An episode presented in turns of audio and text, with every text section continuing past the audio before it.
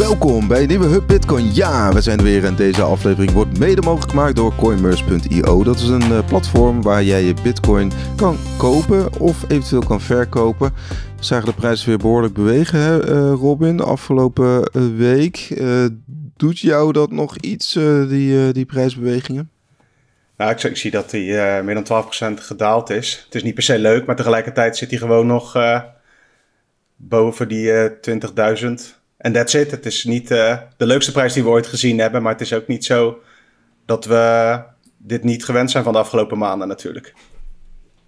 Nee, ik zag, uh, ik was vanochtend een nieuwtje aan het tikken over een aantal on-chain uh, uh, nieuwtjes, data. En inderdaad, het, bijvoorbeeld het aantal adressen met 0.1 bitcoin, die, zijn, die laten een stijgende trend zien. Betekent misschien toch wel voorzichtig wat accumulatiegedrag tegen deze, deze, deze prijzen. Maar inderdaad, dit soort correcties uh, is altijd wel even slikken. Nou, het is ook wel rustig, dus? Uh, overal. Is ook, uh, ja. Dat speelt allemaal mee. En ja, dat blijft voorlopig ook wel zo. We gaan ook te maken ja. krijgen met een superwaakhond. Stukje had jij geschreven in Europa voor de industrie. Klopt. Ja, inderdaad. De Europese Unie heeft in ieder geval weer het, heeft een plan om een nieuwe autoriteit in het leven te roepen die toezicht gaat houden op cryptobedrijven. Nou goed, eh, het achterliggende doel is bekend. Dat betekent dat uh, ja, ze associëren crypto's hè, met uh, het witwassen van crimineel geld. En daar zijn natuurlijk al een aantal autoriteiten en richtlijnen voor. Maar nu moet er een, een, een, eigenlijk een soort supranationale waakhond komen die die uh, AMLD-richtlijnen gaat uh, handhaven. En um, ja, het staat al... ook wel weer. Het, mm -hmm. het is wel mooi dat het dan en... over witwassen gaat en zo. Ja, trouwens, op die banken wordt natuurlijk ook zogenaamd toezicht gehouden. Maar dat zijn natuurlijk de grootste uh, witwassers. Ja. Niet de cryptobedrijven ja. op dit moment in ieder geval. Nee, nee, nee, precies. Nou ja, goed, het is nu natuurlijk zo dat, dat elke lidstaat uh, heeft gewoon een eigen toezichthouder hè, uh, voor, uh, voor het naleven van die anti-witwasregels. Ook in Nederland is dat de Nederlandse bank. Maar goed, komt deze daar dan weer boven te hangen of zo? Of wordt dat, wordt ja, dat, gaan dat zij is, ook zeggenschap hebben in Nederland? Dat is volgens Specifiek. mij wel het idee, ja. ja met een superwaakhond betekent dus dat je dus echt hè, een, een, een dat het weer een niveau uh, hoger wordt getild. Ja, dan kan je en, daar ja. misschien ook wel registreren of wat dan ook. Bijvoorbeeld, ja. Kijk, dat is voor uh, bedrijven zoals Binance of Coinbase of, of, of, ja, ook Nederlandse partijen misschien uh, best wel uh, gunstig, hè? want ze hoeven dan maar naar één loket. Ja, dat denk ik wel. Want, van eigenlijk al die iedereen... verschillende lidstaten iedereen die je spreekt uh, in die uh, tak van sport, die willen naar Europa. Die willen naast Nederland ook Europa veroveren. Dus dan zou één papiertje voor hun wel handig zijn. En dat is een beetje de rare dynamiek die je krijgt natuurlijk. Hè? De gevestigde namen die er nu zijn, ja, die vinden dit wel prima. Alleen de uitwerking hiervan is gewoon dat Europa als geheel nog meer zeggenschap heeft over hoe wij in Nederland met onze bitcoinbedrijfjes omgaan niet per se een leuke ontwikkeling. Klopt. Ondanks dat het goed klinkt voor de bestaande partijen misschien. Nou, het, het leidt, hè, meer regels leidt ertoe dat kleinere partijen gewoon sneuvelen. Hè. Dat, nou, dat, dat zie je niet alleen bij de boeren, maar dat zie je dus ook bij bitcoinbedrijven. Hè. Dus kleinschaligheid wordt eigenlijk gekild door meer regels. Meer frictie. Waar, waar dat ook of, ja, hè, dus het, de enige manier om, om, om te overleven is uh, opschalen. Hè? Dus uh, je, moet, je moet verder opschalen om te overleven. Nou, dat, dat zal ook voor Nederlandse partijen gelden. Dus, ja, dat zie je uh, ook goed, uitwerking de... toch in elke industrie. Van uiteindelijk ontstaan er gewoon uh, twee, drie supergrote partijen die eigenlijk die boel gewoon domineren. En dit soort bewegingen naar Europese plannen versnellen dat eigenlijk alleen maar. op een gegeven moment is er, het is niet een winner takes all game, maar het is wel een winner takes a lot. en dat ga je krijgen. Ja, nou dat is natuurlijk ook heel makkelijk, hè? want in Nederland heb je bijvoorbeeld uh, eigenlijk vier grote banken, drie of vier. Ja, dat is voor een toezichthouder natuurlijk makkelijk, want dan, uh, ja, dan heb je gewoon een aantal grote jongens. Daar uh, heb je een aantal afspraken mee. En daaronder zitten nog een aantal kleintjes, maar... Dus het is je voor, af en toe even voor, een oogje dicht en ga met die banaan. Ja, dus voor overheden, toezichthouders, is, is dit speelt hun ook in de kaart om zeg maar die, die aantal yep. marktspelers moet zo klein mogelijk zijn om ehm, ja, om dat toezicht ook te vergemakkelijken. Ja, te, te, tegelijkertijd gaan die toezichtkosten natuurlijk alleen maar omhoog. Hè? ook partijen in Nederland betalen al ruim 1 ton toezichtkosten per jaar aan aan de DNB, als het niet meer is.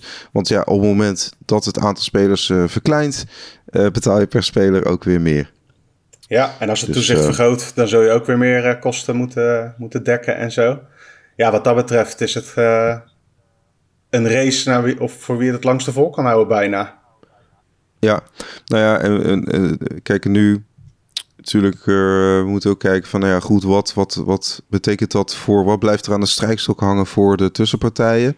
Op het moment dat ja. zij met meer regels te maken hebben, eh, gaan ze natuurlijk ook hogere kosten in rekening brengen bij, bij ons als klant. Hè, dus dan krijg je dus hogere transactiekosten, maar ook bijvoorbeeld een slechtere omwisselkoers naar euro's. Hè, dus als je wil om, omzetten naar euro's, uh, dan zal de beurs je misschien een slechtere deal geven dan, uh, dan eerder. Ja, het heeft allemaal met elkaar het, te het maken. heeft allemaal effect. Ja. Nou goed, dit staat los van bijvoorbeeld die verordening waarin uh, de Europese Commissie heeft bepaald dat ze bijvoorbeeld inzage willen hebben in. Stel je hebt Bitcoin bij een broker of een beurs staan, je stuurt dat naar je eigen hardware wallet. Hè, er is onlangs dit jaar, uh, of dit jaar ook uh, besloten van we willen die transacties gaan, gaan monitoren. Ja, ik moet nog kijken hoe staat... dat in de praktijk precies gaat hoor. Maar in de ja. Wat je bijvoorbeeld wel al ziet bij Coinbase, die hadden bijvoorbeeld al iets geïmplementeerd. Uh, dat je aan moest geven van wie dat adres was en ook volgens mij uh, adresgegevens en zo echt. Dus je, wat je krijgt in die interfaces is dat jij ook informatie moet delen over de. Nog meer informatie moet delen over de adressen waar je Bitcoin naartoe stuurt vanaf zo'n dienst. In plaats ja. van alleen jezelf identificeren. Het ging nog niet gelukkig over uh, echt peer-to-peer. Dus gewoon dat ik hem gewoon naar jou stuur. Maar ja, dat lijkt een kwestie van tijd voordat je straks in je belastingboekhouding dat ook moet bij gaan houden als ze zo doorgaan met die regeltjes. Kijk, dat is in de praktijk niet, ja. niet te doen. Als iedereen dat blijft doen, dan valt dat niet te managen. Maar het is wel een uh, vorm van afschrikbeleid natuurlijk. Je, ze duwen je in een criminele hoek als je op een bepaalde manier hier ergens een grens wil trekken. Voor jezelf. Ja. Ja, en ik, ik, ik geloof ook, hè, dat is even een aanname van mezelf, van ik denk dat ze gaandeweg 2017, 2018, kwamen ze gaandeweg kwamen ze achter van oké, Bitcoin gaan wij, kunnen wij niet gaan verbieden. Weet je wel, wij kunnen niet, uh, dit netwerk kunnen we niet gaan verbieden. Hetzelfde als internet. Hè, dat, dat, dat verspreidt zich. Je krijgt allerlei uh, netwerken. Uh, ja, of het nou ja, Tor-netwerk is. Moet me daar nog in verdiepen. Maar daar schijnt ook een, in Amerika een juridische strijd geweest te zijn tussen cryptografie en de overheid die uh, inmenging wilde in dat hele internetnetwerk en zo.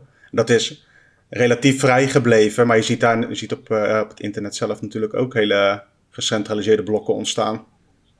Ja, ja en ik denk, hè, dus, uh, en toen hebben ze waarschijnlijk gedacht, oké, we kunnen het niet verbieden. Hè, de Federal Reserve kan het niet verbieden. Hè, de Europese Centrale Bank kan Bitcoin niet verbieden. Alleen, ze gaan het wel zoveel mogelijk dichttimmeren. Dus en monitoren. Als je bitcoin... Ja, en belasten. Dus je hebt... Uh, stel, je, stel je hebt bitcoin, dan willen ze precies weten waar je die bitcoin hebt. Waar je het naartoe stuurt, naar wie. Maar als je het hebt en je houdt het vast, hè, dus hodlers, we gaan het ook meer belasten. Dat is in ieder geval mijn verwachting. Dat ze, of het ja. nou vermogensrendementsbelasting is of vermogensbelasting. Hè, uh, op het moment dat bitcoin gaat stijgen of gaat dalen, ja, want het is niet zo als bitcoin gaat dalen dat je geld terugkrijgt van de fiscus. Nee, je, krijgt, je moet alleen uh, geld betalen op het moment dat hij stijgt. Klinkt als een eerlijke deal.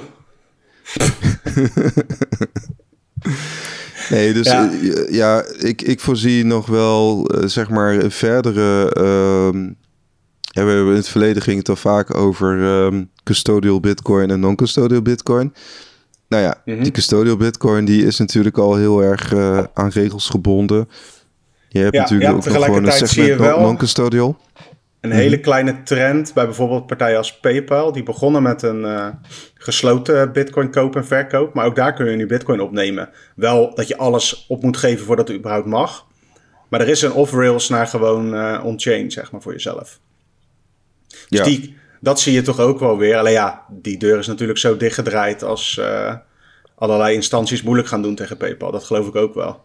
Maar tegelijkertijd, die zien ook wel hoeveel geld er naar zo'n, uh, nou Binance is het beste voorbeeld, uh, hoeveel geld daar naartoe gestuurd wordt. En PayPal wil ook gewoon een deel van de, van de pie. Dus je zou daar ook nog wel een strijdje kunnen vatten. Ik denk niet dat alle industriemensen heel makkelijk gaan zeggen, oh dan geef ik mijn bitcoin mogelijkheden wel op. Dat hoop ik dan misschien. Maar misschien ben ik dan te goed gelovig. Nee, precies. Nou, kijk, het is ook. Um, in, in Amerika heb je een hele denkrichting. Hè? Dat, dat ze zeggen: het is, het is niet de Federal Reserve die de markt bepaalt. Maar de markt bepaalt eigenlijk beleid van de Federal Reserve. Als je dat zou. Hmm. Uh, ik zit even een, denk, een denkoefening te doen. Kijk, op het moment dat Bitcoin uh, corrigeert en het daalt, uh, of het gaat zijwaarts, nou ja, dan, dan hebben de, mensen in uh, Den Haag, Brussel en Straatsburg zoiets van, en Frankfurt zoiets van, nou, het zal wel. weet je wel, de hype is weer voorbij. Maar ja, op het moment dat hij weer gaat stijgen, ja, dan, dan, dan worden ze wakker. En dan denken ze, nou, we hebben misschien nog wel wat, wat extra belastingen nodig, belastinginkomsten. En uh, we gaan die uh, Bitcoin-bezitters, want dat zijn er inmiddels wel uh, een paar miljoen in Nederland, die gaan we even een hoge belastingen in de mik douwen. Nou ja, ze zijn ook gewoon wel bezig met het plan voor een vermogensrendementsheffing. Dus op zich is dat ja. geen, geen nieuws. Nee, dat, en die uitwerking gaan we de komende tijd zien. En ja, ze komen het toch wel halen. Hè? Kijk, als jij eenmaal in die in het vizier bent van een uh, belastingdienst, om wat voor reden dan ook, zeker met contacten tot Bitcoin, dan heb je gewoon de kans dat je doorgelicht wordt. Met steeds meer gegevens. Ja, dat sowieso. Dat sowieso. Dus uh, ik denk dat de kans als Bitcoiner hoger is dat je doorgelicht wordt, inderdaad. Uh, vooral als je bijvoorbeeld je Bitcoin door een, door een mixer heen, heen draait. Ja. Dan, ja, maar goed, uh, we gaan uh, verder. Uh, we zagen, Nederland heeft natuurlijk wat dat betreft een reputatie hoog te houden voor het uitleveren van, van developers en hackers aan de Verenigde Staten. Laten we toe. Het is een beetje een understatement. maar goed, ze hebben recent ook een Rus van 29, die woonde hier blijkbaar in Nederland. Die hebben ze uitgeleverd aan um, ministerie van Justitie. Het is dus niet die andere jongen waar hè, de Tornado Cash uh, developer. Nee, dit is iemand, Dennis uh, eh, Miakluluiv Dipnikov. Hij heeft een Russisch paspoort. En uh, hij zou zijn gelinkt aan ja, een groep die dus door middel van ransomware verschillende organisaties heeft aangevallen. Ja. dus uh, ze leggen een systeem plat van een ziekenhuis of van, uh, van de universiteit. Eisen losgeld in bitcoin vaak. Die bitcoin hebben ze dan vervolgens... Uh, ja, die moeten ze ergens natuurlijk kwijt. Die moeten ze omwisselen in, in een stablecoin of in dollars. Of ze moeten, ze moeten daarvan af. Nou, daar hebben ze allerlei mixers voor gebruikt. En verschillende platformen. En nou ja, deze man is in ieder geval opgepakt. En... Ehm, ja. Denk jij dat die Europese regels, waar, die we net bespraken, zouden helpen bij dit soort gasten te pakken? Ik heb echt het idee dat dat one in a 10 miljoen is. En alle andere mensen in die 10 miljoen, uh, die moeten maar met de gevolgen leven ook. Nou, het, het, het zijn twee, uh, twee dingen eigenlijk. Hè. Het helpt, zeg maar, het geeft overheden zeg maar, meer ruimte om meer te kunnen. Ja. Het nieuwe of dat goed of slecht is, dat is dan eigenlijk een beetje de discussie of je overheid voldoende of meer macht wil geven in een bepaalde sector of niet. Is eigenlijk constant het, uh, de afweging. Ja. Nou ja, je hebt natuurlijk een hele, je hebt een hele breed spectrum uh, van uh, totale totalitaire staat tot complete vrijheid, zeg maar, anarchisme. ja. ja, en, en, en, en heel deze discussie gaat natuurlijk over dat spectrum. En ja, ik denk dat wij allebei zitten we ook weer iets anders op dat spectrum, denk ik. Ja, dat, zo, dat, denk ik wel. En tegelijkertijd hebben we er zo weinig invloed op. Wat dat betreft is het uh, focussen op Bitcoin wel lekker. Want dus de, de, regeltjes zijn duidelijk in ieder geval. Ja, nou ja, kijk, bijvoorbeeld. Um, ik denk dat die, die, die, die regels, handhaving, ik denk dat de handhaving in zekere zin gewoon natuurlijk faalt. Hè? Dus het systeem op zichzelf, er zijn regels. Uh, alleen, ja, ze kunnen ook maar een bepaald deel handhaven. Hè? Je hebt, uh, de overheid heeft Ja. ook gewoon te maken met personeelstekort.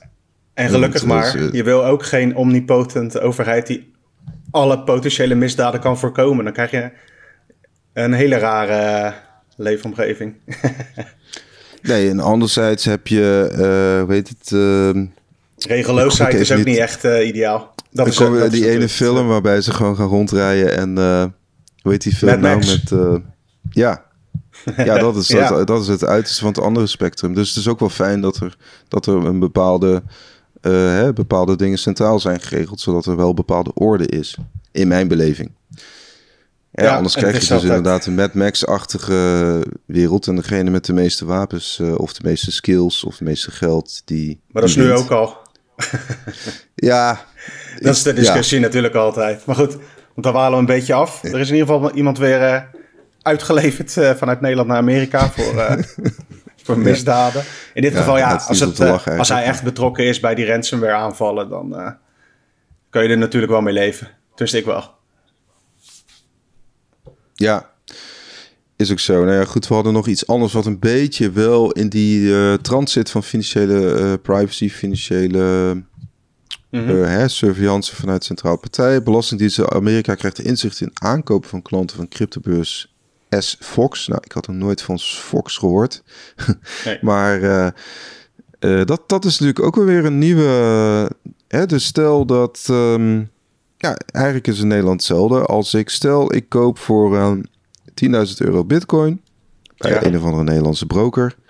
Coinmerse bijvoorbeeld. Nou, dan moet Coinmerse moet mijn transactie melden bij... ehm weet het, de financiële eh inlichtende dienst. Ja, ik weet Eh, niet ik precies hoe dat werkt, maar ik kan me zo voorstellen dat er een database, de field of zo. Ik kan me voorstellen Nou, dat je... ja, dat is een aparte, daar kom ik even niet op. Maar het is een onderdeel van het ministerie van Justitie.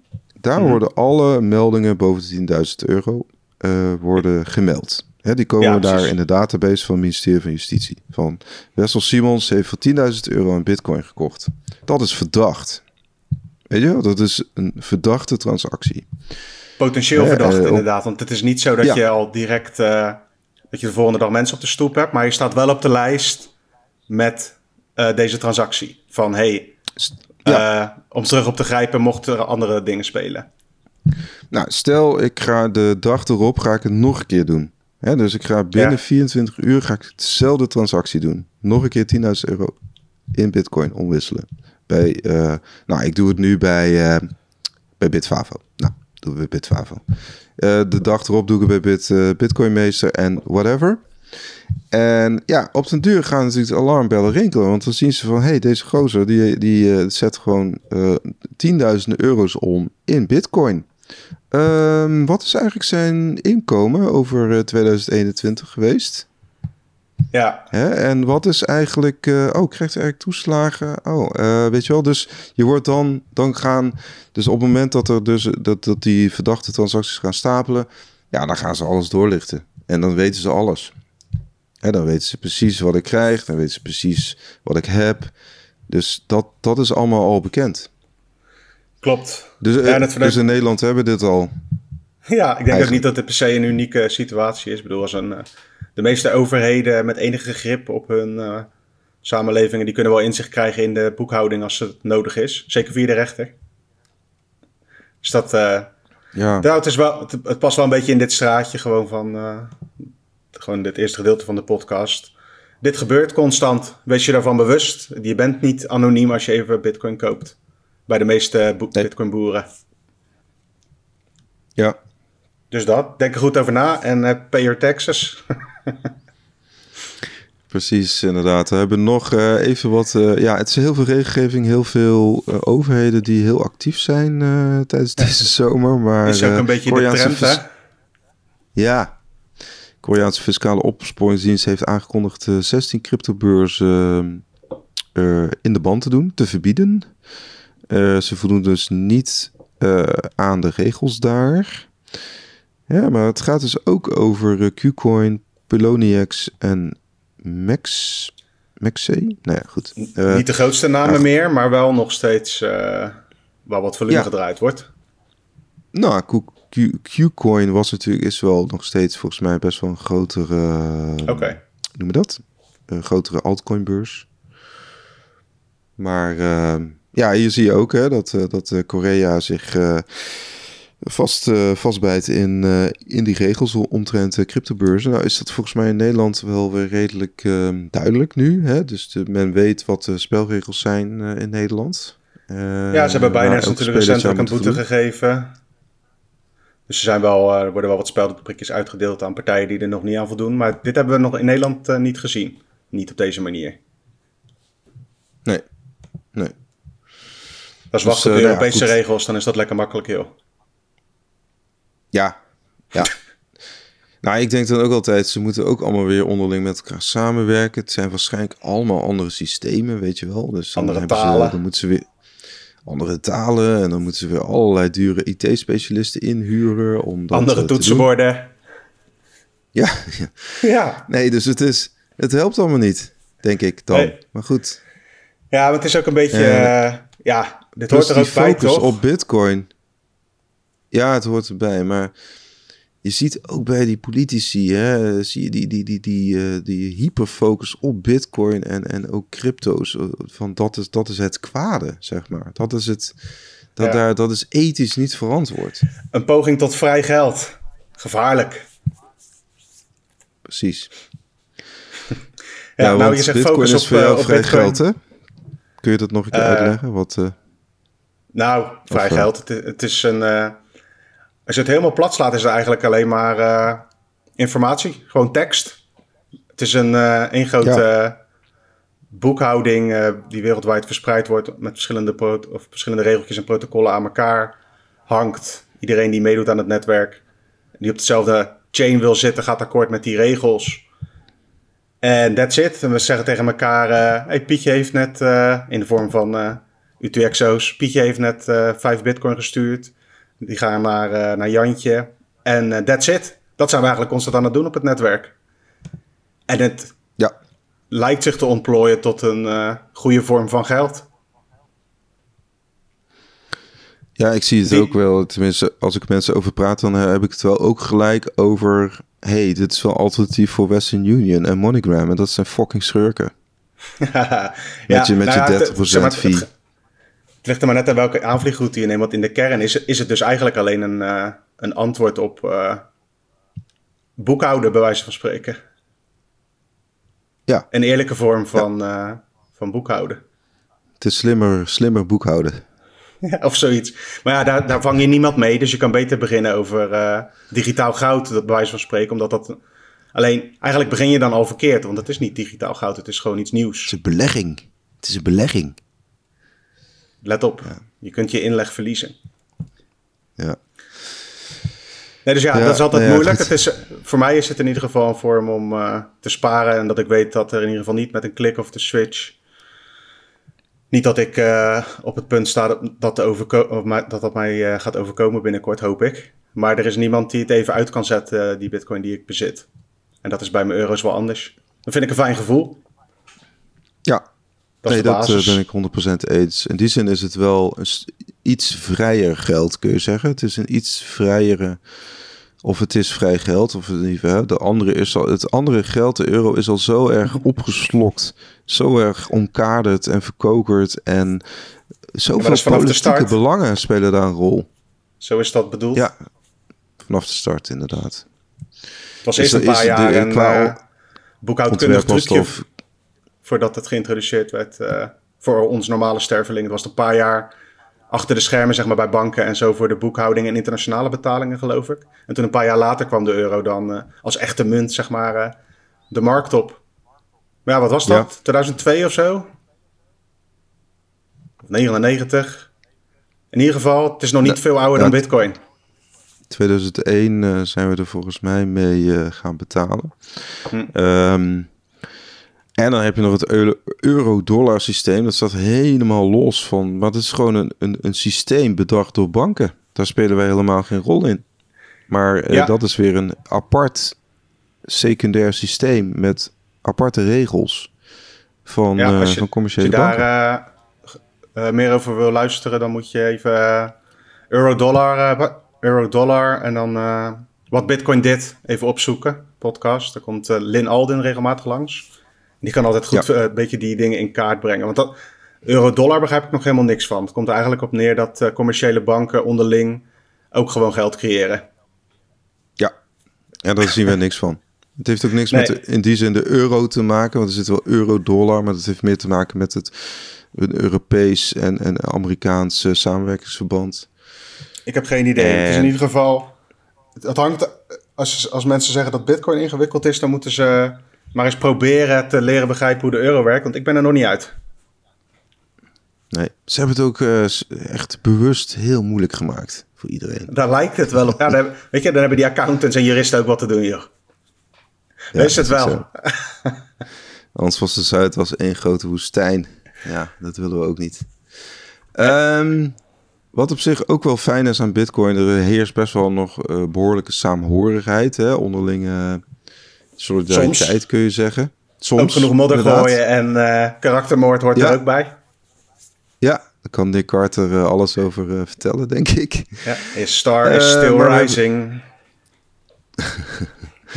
We hebben defendingbtc.com, die heeft al ruim een miljoen opgehaald. Dat is een fonds om eigenlijk bitcoiners zoals um, Hot, Hotlonaut, Holonaut, ja, dat is een bitcoiner uit um, Noorwegen. Die is dan in de clinch geraakt met Craig Wright. Craig Wright heeft hem vervolgens voor het gerecht gesleept. Uh, wegens, ja. Um, ja, wegens laster of mijn, nee, laster denk ik.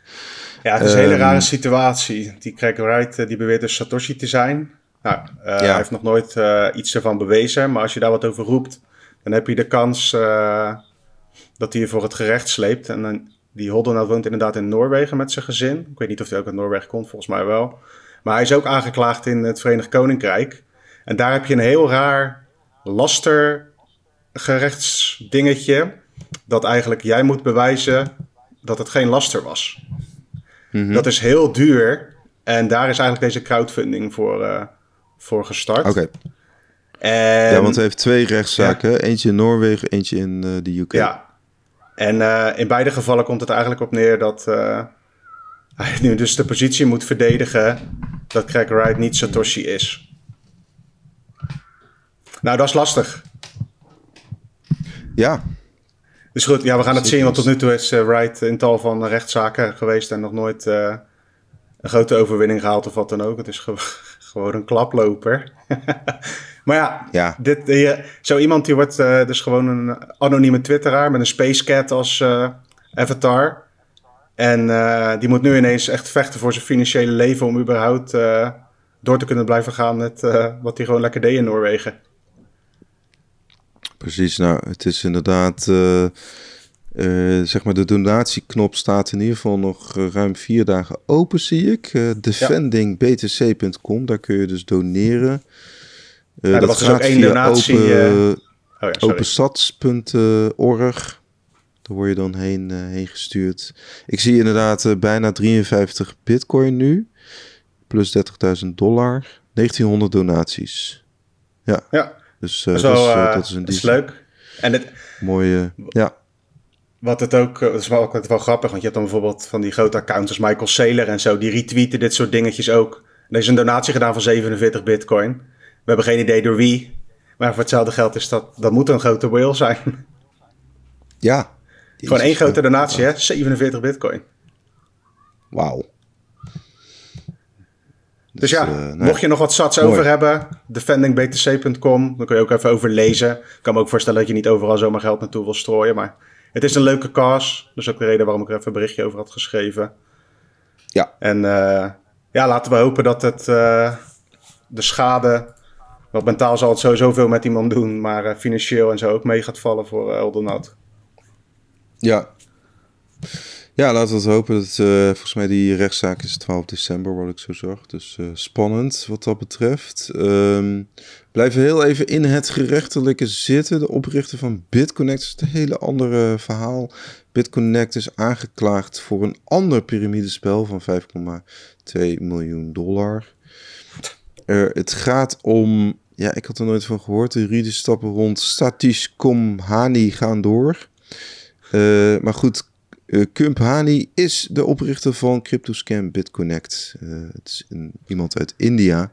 Ja, mocht je je geburnt hebben in de afgelopen periode aan Celsius en andere lening- en Ponzi-scheme verstrekkers, dan kun je ook nog eens googlen naar BitConnect. Een gouden ouwe. Dat was een van de eerste. Ik heb nog wel eens een gesprek gehad met iemand die zat toen in BitConnect toen de tijd. En dat was gewoon een uh, standaard piramidespel. Je stopt er geld in en je krijgt zogenaamd meer geld terug. Als het maar blijft groeien, dan uh, kun je er geld op verdienen. En hij zei van ja, ik blijf het gewoon lekker, uh, ik laat het gewoon staan. Daar kan ik mijn studie van betalen. En nog een week later klapte heel die boel.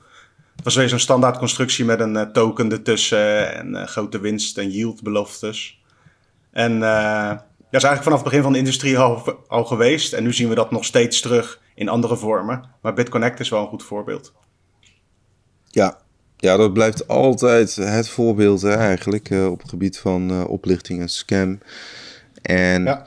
ja wij zijn allebei ook, uh, ja goed, ik heb er zelf geen geld in gestoken. Ik heb wel 2017 heel, en 18 ook nog wel geld gestoken in, in heel veel kleine muntjes. Nou, daar ben ik ook, heb ik ook veel geld mee verloren. Dus daar ben ik ook uh, wijzer van geworden in die zin dat ik, uh, dat ik me gewoon bij Bitcoin hou en uh, me niet gek laat maken door andere munten. Aldoende leert men, hè? Ja, ja dat, en, en het is heel simpel eigenlijk, want Bitcoin is gewoon de grootste asset. Dus, hè, en natuurlijk, hij, hij, hij beweegt soms behoorlijk naar beneden. En dat is ook best wel zuur. Hè, Zeker. Hè, dat komt ook omdat het nog steeds, weet ik veel, 15 of 20 keer kleiner is dan goud. Maar uh, ja, daaronder hangen natuurlijk allemaal hele kleinere muntjes. En die zijn nog volatieler. Dus uh, ja, pas echt op uh, mensen wat je daarmee Met doet. proposities die nog nul bewezen zijn en zo. Bitcoin ja. draait nou al ruim 13 jaar. En het werkt. Het, wat het moet doen, doet het. Het houdt de boekhouding bij. Ja. Je kunt miners inpluggen om hersens te leveren en het werk te verzetten om beloningen te verdienen. Je kunt er transacties mee sturen, je kunt erin sparen. Dat is de bedoeling geweest. En niet allerlei. Ja, toen het startte was het ongetwijfeld een pipe dream. Maar inmiddels is het gewoon een bewezen werkend systeem. Ja. Als je het mij vraagt. Ja, Nee, inderdaad. Uh, helemaal helemaal uh, eens. Um, we hadden ook nog een nieuwtje over Tether. Tether is de belangrijkste stablecoin in de markt. Hè? Tether USDT.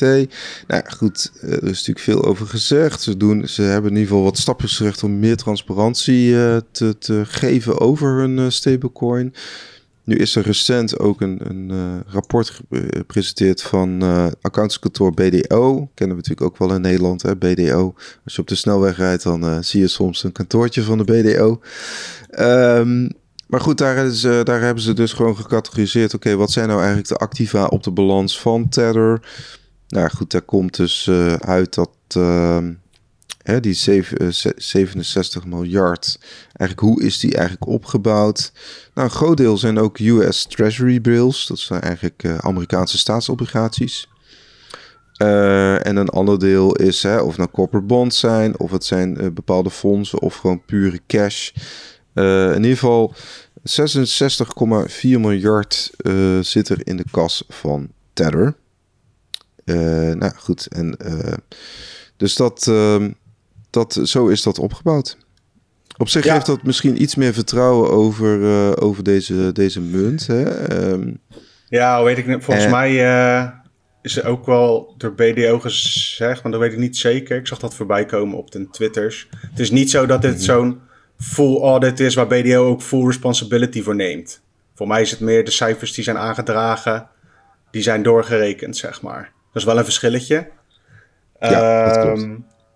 Tegelijkertijd, uh, ja, Tether is gewoon zo'n belangrijke munt, vooral in, die, uh, gewoon in de handel op beurzen en zo. Alle grote uh, ruilparen hebben ermee te maken. Ja. En het is wel belangrijk dat dit soort dingen naar buiten komen. Tegelijkertijd heb, kan ik echt niet inschatten. Ze kunnen me alles wijsmaken met dit soort cijfers. Of dit dan uh, stabiel is en genoeg is om uh, die perk te houden voor, uh, voor weet ik het hoe lang. Van 1 dollar. Daar heb ik geen idee van. Dus het ziet er wel, zeg maar, het ziet er leuk uit en het is interessant om te zien hoe ze het hebben opgebouwd nu. Want je ziet bijvoorbeeld wel dat ze steeds minder uh, uh, commercieel schuldpapier hebben. Dat is ook een doel van hun. Ze willen zoveel mogelijk overgaan naar uh, andere dekking. Dus dat, die trend is ook te zien. En op zich is het wel interessant, want dit is, eigenlijk is dit gewoon één grote schaduwbank. En dat bedoel ik niet per se negatief. Nee, ja, kijk, uh, Binance is misschien ook wel een soort schaduwbeurs, weet je wel. Dus het is, je hebt, ja. uh, je hebt van bij dit, dit partijen uh, die, die, die zitten in dat grijze gebied. Als jij je dan als partij, als grote partij bijvoorbeeld, stel dat Coinbase een Tether wil verzilveren, dan bellen ze even met, met Tether op en dan krijgen ze gewoon dollars teruggestuurd als zij het goede aantal Tether, de kant van Tether zelf opsturen. Dat is een beetje het idee.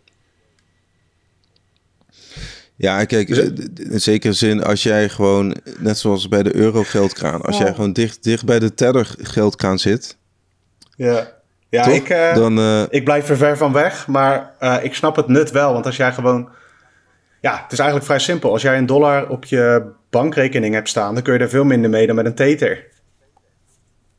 Ja. Gek genoeg. Alleen, ja, klopt het zijn wel twee verschillende producten. Er staat wel allebei een dollartekentje bij wijze van spreken.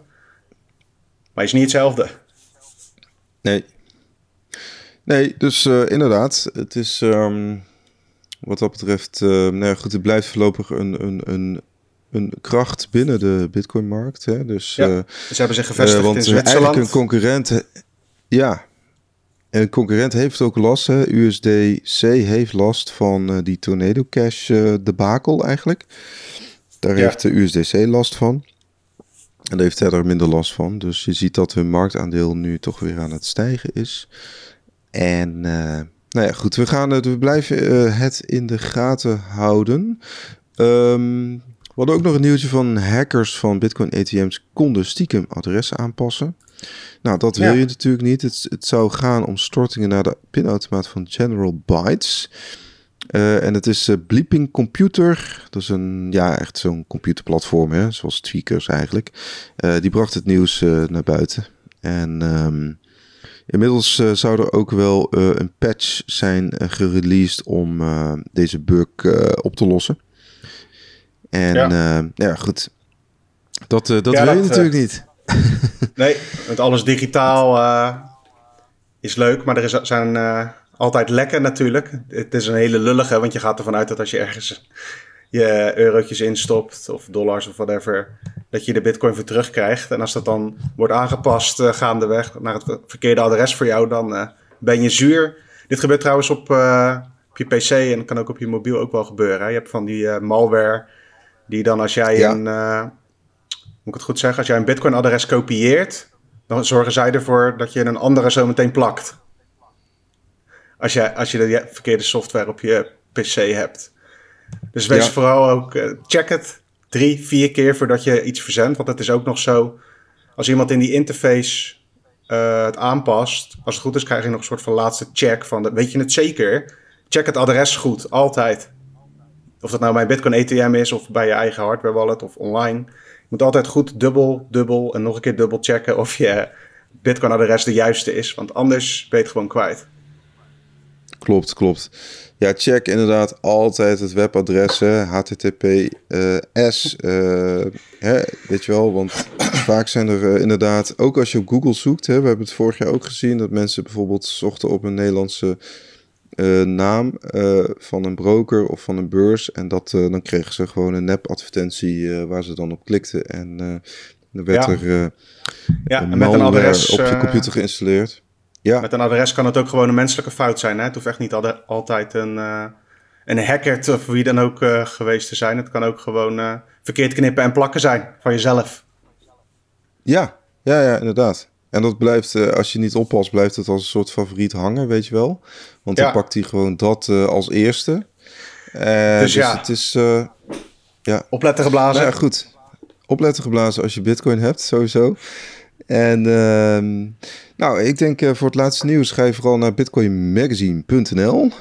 daar, ja, elke dag hebben wij de nodige nieuwtjes. Ook in de zomermaanden. Yes. En uh, volgens mij zijn de Midden-Nederland de school alweer begonnen. Dus mensen zitten alweer. Uh, en uh, langzaam gaat natuurlijk Nederland weer aan het werk. Um, voor het najaar hebben we een leuk uitje. voor, we gaan ook naar het Bitcoin evenement in Amsterdam. Dat is uit mijn hoofd van 12 tot en met 14 oktober. Dus ja, daar kun je ons ook in levende lijven ontmoeten. Ja. Zeker. Wat een feest. Dus, als het goed is, wordt dat een leuk Bitcoin feestje. Dus er zijn nog kaartjes, zijn wel prijzig in de honderden euro's. Dus ja, je kunt er altijd ook sats van kopen, maar normaal gesproken wordt dat wel gezellig. Als je nog wat geld over hebt naar Lowlands, hè? Ja, precies. Ongeveer 100 euro per dag ben je kwijt. Maar goed, dan heb je wel een leuk, leuk Bitcoin feest. Dus, um, en uh, ja, volg ons op de socials natuurlijk. We hebben een hele leuke Telegram groep. En uh, Facebook, Twitter, et cetera zijn ook druk bezocht. Daarnaast hebben we bitcoinfocus.nl. Dat is voor meer diepgaande informatie over bitcoin. dus wil je interviews, achtergronden, soms een, een, een analyse of commentaar op de, wat er allemaal gebeurt in de markt en in de industrie. Dan kun je naar bitcoinfocus.nl. En dan kun je altijd ja, dat, dat, waren de, dat was onze eigen advertentierondje, denk ik. Denk ik. Thanks voor het luisteren en tot volgende week. Later. Doei.